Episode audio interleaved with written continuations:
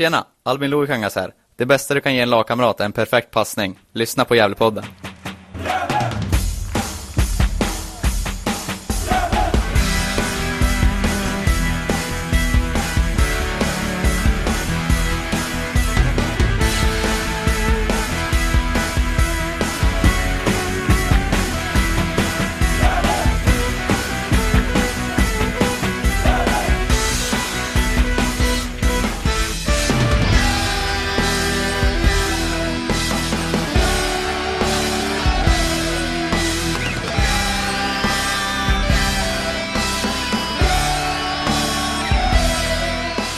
Varmt välkommen till Gävlepodden möter avsnitt nummer fem. Återigen så har vi det historiska i fokuset och denna gång är det 30-talet som ska avhandla. I vår serie med Ulf Krigan Kriström. Varmt välkommen! Hur är läget? Jo tack, det, är bra. Bortsett från att jag har varit och harklat med hela eftermiddagen. Det är ju klart att man ska prata för en gångs skull. Men vi kör. Yes.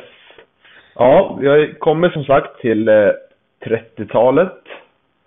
Eh, och man kan väl säga att det började i Uppsvenska serien där säsongen 1929-1930, eller hur?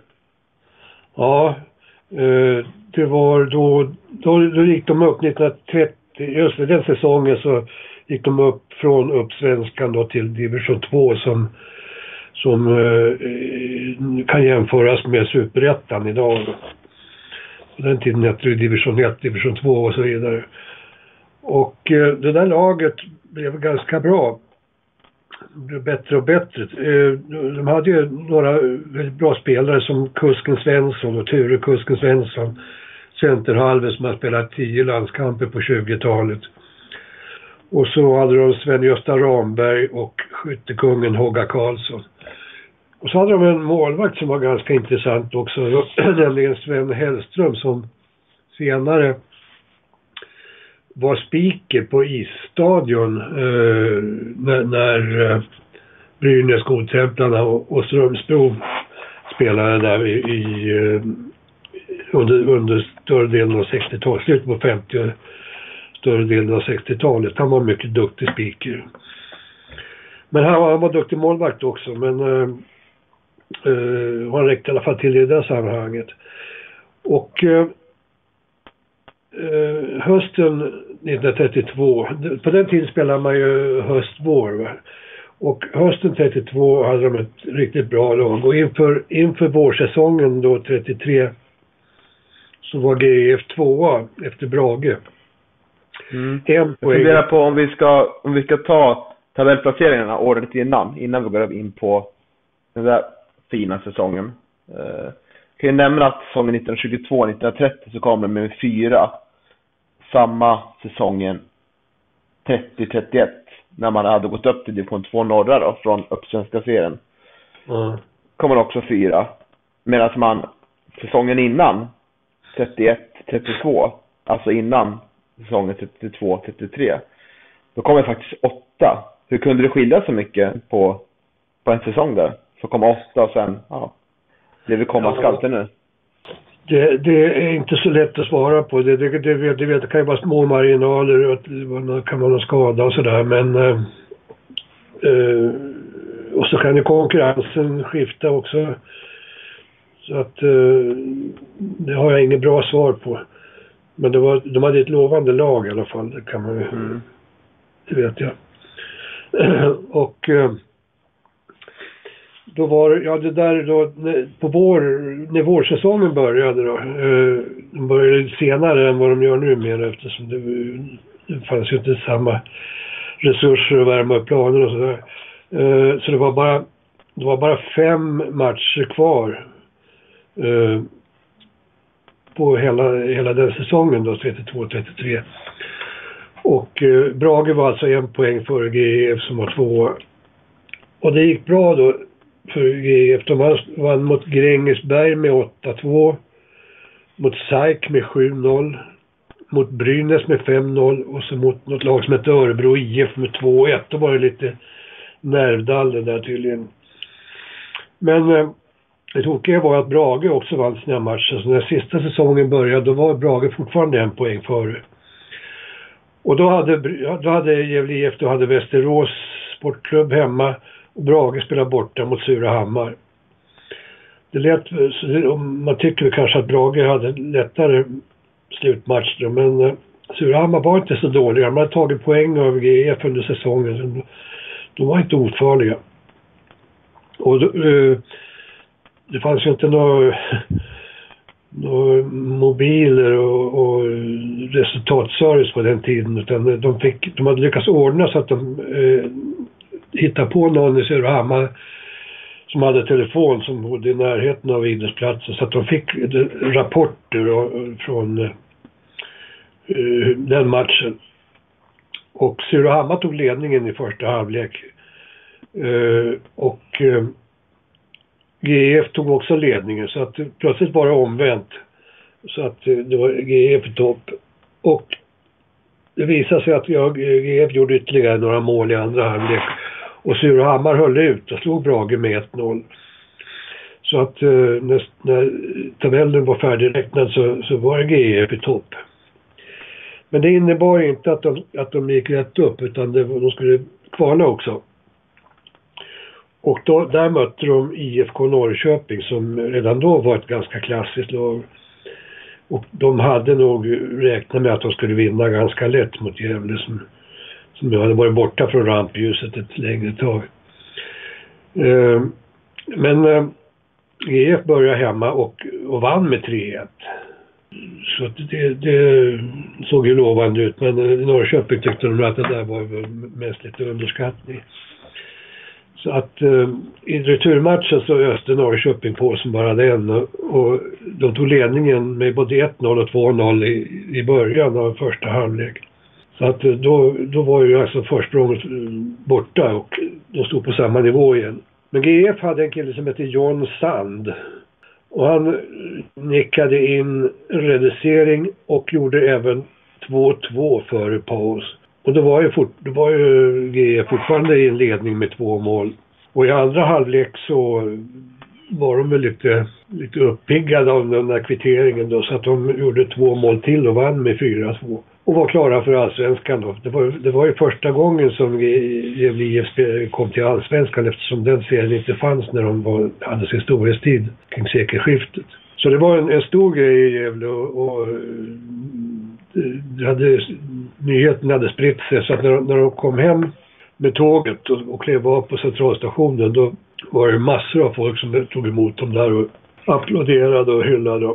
Det, för att eh, det här var viktigt av, av, flera skäl men inte minst därför att Sandvikens IF spelade ju allsvenska på den tiden och det var, det var mycket prestige där så att, det var, att komma upp på samma nivå som SCF det var det var viktigt. Men det var, det var, på den här tiden var det 12 lag i Allsvenskan och de var ganska etablerade de flesta så att det var inte lätt att komma underifrån och, och uh, slå sig in liksom och börja vinna matcher.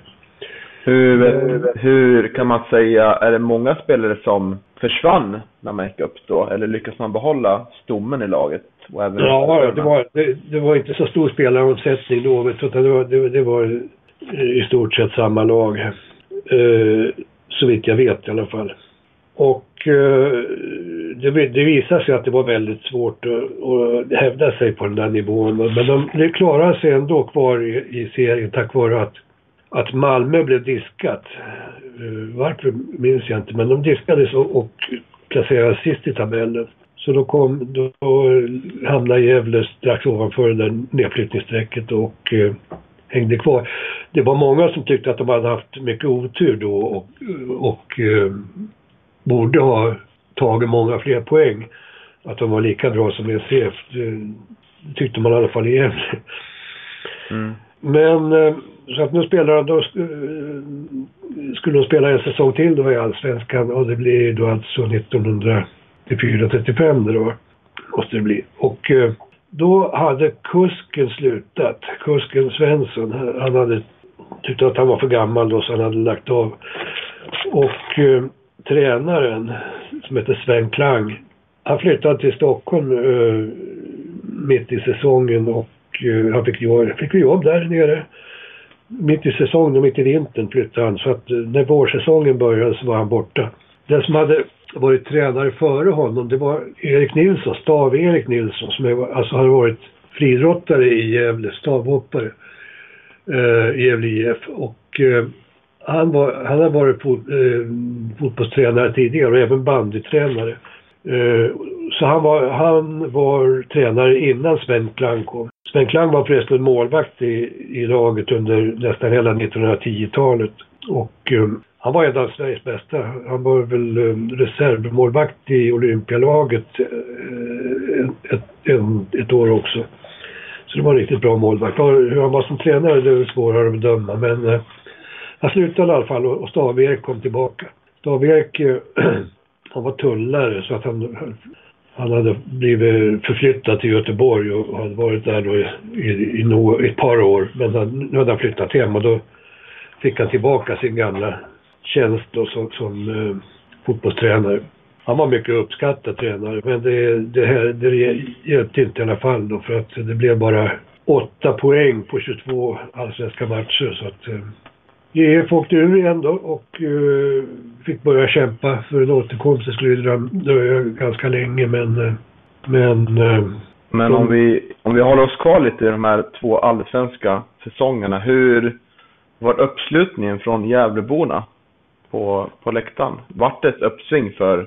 Jag kan tänka mig att det inte var så många som gick på fotboll på 20-talet när det var väldigt dålig kvalitet på toppfotbollen i stan. Att det kanske blev ja. ett uppsving då.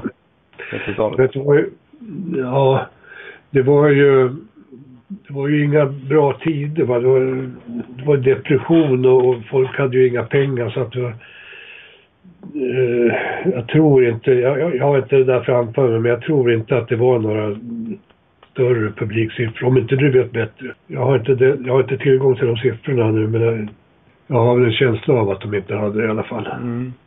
Nej, inte heller intrycket man får också, jag som har försökt läsa på lite, att det fanns, fanns en del spelare där som faktiskt eh, fick prova på landslagsspel. Och eh, det lär ju varit det, det årtiondet där eh, Gävle hade mest, eh, mest eh, svenska landslagsspelare med, med liksom delta. Ja, fast de hade varit landslagsspelare på, i, på 20-talet då. Det var ju när de var över i Baltikum och Finland och spelade. Det var ju då Gästriklands landskapslag representerade Sverige och då fick de var det flera spelare som fick landskamper. Ja, just det. Ja, det ser jag här nu. Henry Åström. Du tar det här från Jimmy Moréns blogg då. Och där står det så här om Henry Åström. En back som aldrig gjorde en dålig match. Belönad med landslagsspel 1926 och allsvensk spelare med GIF på 30-talet. Och Ture Kusken Svensson. Eh, försvarsjätte och lockkapten i GIFs allsvenska lag på 30-talet. Gjorde 10 landskamper mellan 1926 och 31. Och vann de sista, sex sista till. Jag tror att det, att det var, var förödande för laget att han slutade, för han var ju verkligen en, en stjärna som centerhalv mm. Och sen har jag också köpt Evert Jansson. Han gjorde tre landskamper på 1930, också målvakt på 30-talet. Och Holger Hogga Karlsson då. Uh, gjorde två ja. landskamper, ett, ett mål 33. Ja. Hogga var ju en, en, en riktig sniper. Finns det något mer förutom de här som man kan nämna, som ni inte har nämnt? Som är fram, framträdande? Uh, ja, det, det, jag minns inte om om han var med redan då, men det fanns en som hette Gunnar Jansson som kallades för Rom, Romjanne. Mm, han var med. Okej, okay. han blev ju uh, uttagen till uh, en, en VM-trupp till Rom. Men uh, så var det någon som, som i, var skadad som, som lyckades rehabilitera sig och kom, och blev, kom med i truppen och då åkte Gunnar ur truppen och på, grund, och, och, och på grund av det då så fick han inte heta Romjan eftersom han missade VM i Rom. Det, det namnet fick han släpa med sig hela sitt liv tror jag. Ja, jag ser här att 1973 augusti så mötte de AIK hemma och vann med 2-1 och då gjorde Gunnar Jansson 1-0 och Rickard Fisken Eriksson gjorde 2-0. Ja, ja. Det, det var ju meriterande att vinna mot AIK, får man säga. Att de, mm. de, att de hade den, höll den nivån ändå. Och imponerande. Jag har, ett, jag har lite namn från senare på, på 30-talet. Och det var Ramberg var med länge och sen fanns det en som hette Torsten Hasselgren. Erik Stjärna tror jag var med tid, i det där tidigare laget också. Och Rune Reis, Oskar Björk. Putte Österlund fanns det och Melker Hillblom. Och så Pelsa Svensson som, som är, eller var, han var morfar till, till eh, Kent Larsson som är speaker i, i uh, hockeyarenan, Rynäs. Mm. Mm. Uh, han var målvakt då när, när uh, Sven uh, Hellström hade slutat. Skutten Bergström var också en ganska känd spelare. Sen hade de liksom inte Gösta Johansson som kom från Göteborg. Som var här under några år. Det var, det var ju inte tal, det var inte tal om att värva på den tiden. Det var ju folk som kom hit för att jobba som kanske kunde spela fotboll och, och tog kontakt då med, med klubben. Det var, så var det väl överallt. Jag tror inte det var några klubbar egentligen som värvade utifrån på den tiden. Det var väl Norrköping som började, men det var senare när Nalle Halldén började resa runt och titta på Bröderna Nordahl och sådär. Kan man sätta de här spelarna vi hade under 30-talet som Holger Hogga Karlsson och Ture Kusken Svensson i något slags historiskt perspektiv? Hur, hur bra var de sett till alla som har spelat och varit betydelsefulla i Gävle IF? Skulle de kunna, om man leker med tanken och gör en, en bästa, bästa elva liksom, skulle, skulle de vara i närheten eller skulle de vara självklara? Ja, vi skulle vara i närheten. Jag menar, tio landskamper på kusken, det är det ingen annan som har gjort i den här klubben. Mm. Och, och uh, Hogga var ju en framstående målskytt. Alltså det, men sen går det ju det går inte att jämföra. Men meritmässigt så, så håller de ju sig på en hög nivå. Även om det bara blev två allsvenska säsonger. Man vann ju två matcher året man åkte ur allsvenskan, 34-35. Ja. Hur gick det i matcherna mot Sandviken som spelade? Ja, nu satte de mig på pottan där. Jag har inte mm. de, de där siffrorna. Då måste jag ringa till Jimmy och fråga. Nej, vi får, vi får kolla upp det efterhand helt enkelt. Ja. jag har inte så mycket mer att tillföra om den där tiden egentligen. Nej, nej det var ju två väldigt man kan väl kanske sammanfatta lite de där två säsongerna i Allsvenskan. Att det verkar som att det var mycket att de behövde fostra egna spelare från, från staden och regionen kanske. Och ja. då räckte man inte till. Det var tufft. Alldeles för stort ja. mellan divisionerna.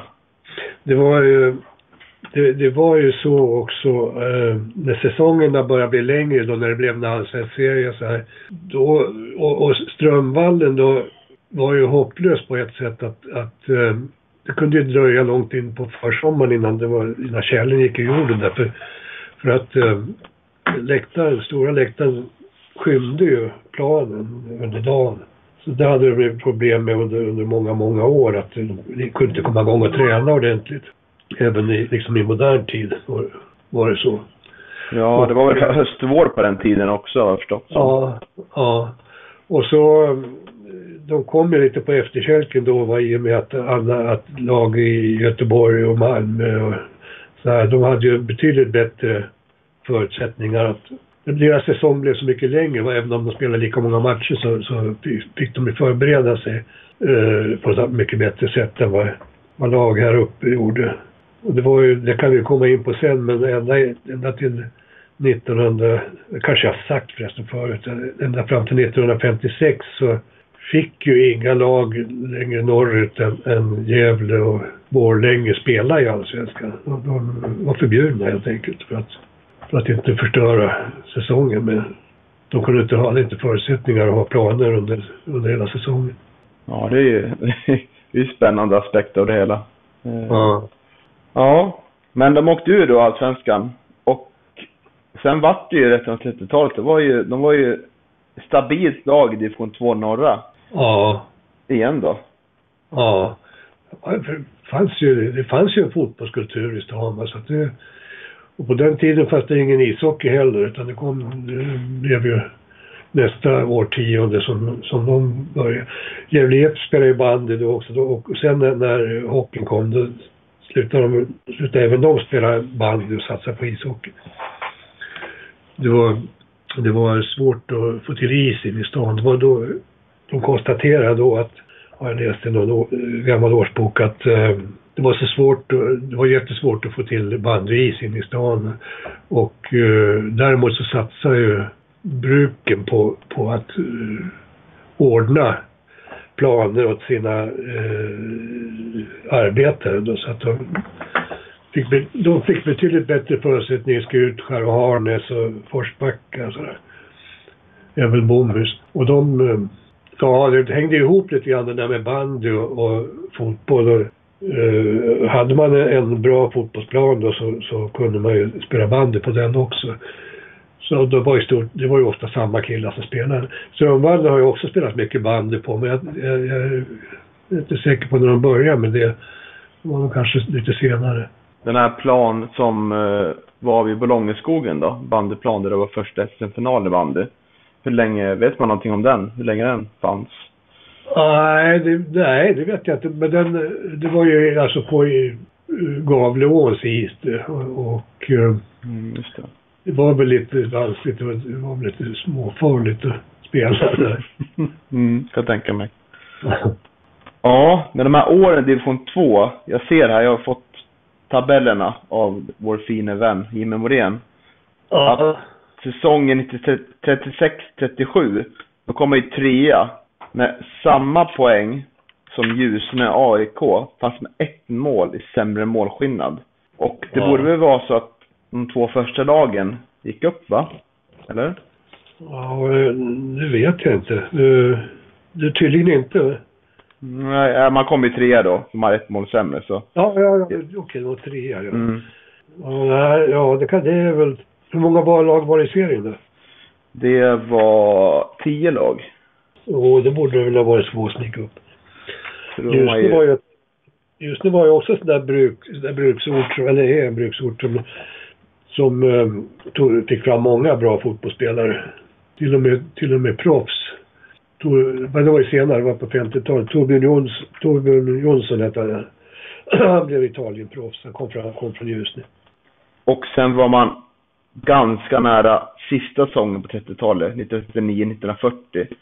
Tre poäng från andra platsen också. Så man, man höll sig ganska högt upp eh, i division 2 norra. Men nådde aldrig ja. riktigt fram. Nej. Nej, men de hade väl en bra stomme där och bra ledare har de ju alltid haft. Det, det, det fanns ju en kultur ändå. Fast mm. sen, sen dröjde det ju ändå väldigt länge innan, innan, de, innan de kom upp igen. Men det, det får vi väl ta senare. Ja, det får vi göra, absolut. Och sen läste jag här att inför säsong 38 så anställde klubben en österrikiska stjärnspelaren Otto Höss som tränare. Ja. Och en liten rolig anekdot var att han tyckte inte om GIFs engelska trebacksystem. Mer än två backar kunde han inte tänka sig. ja. Vet du mer om honom? Nej, jag vet inte mer om honom. Jag, jag, jag har hört namnet, men jag känner inte till det. Hur såg det ut på andra fronter i i GIFs organisation. Vilka andra sporter var, var mer framträdande och blomstrade lite mer än andra? Ja, det var, man får väl säga att uh, de höll på med skidåkning ganska länge, längdskidåkning. Och det var de väl rätt framträdande och eh, friidrott förstås, det har, det har ju alltid varit en paradgren för Gävle IF.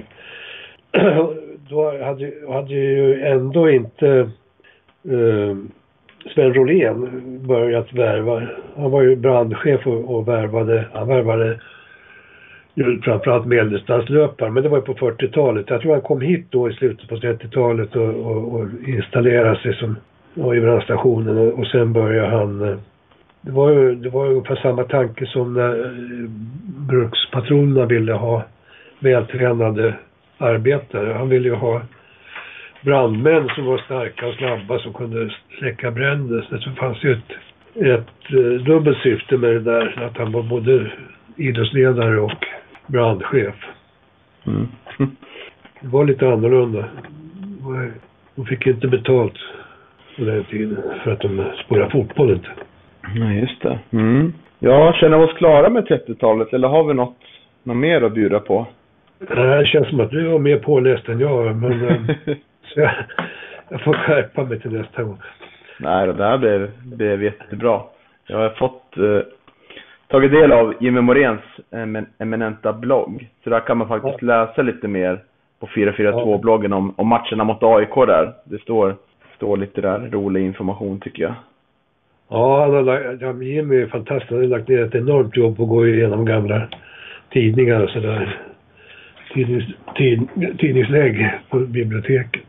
Så han har superkoll.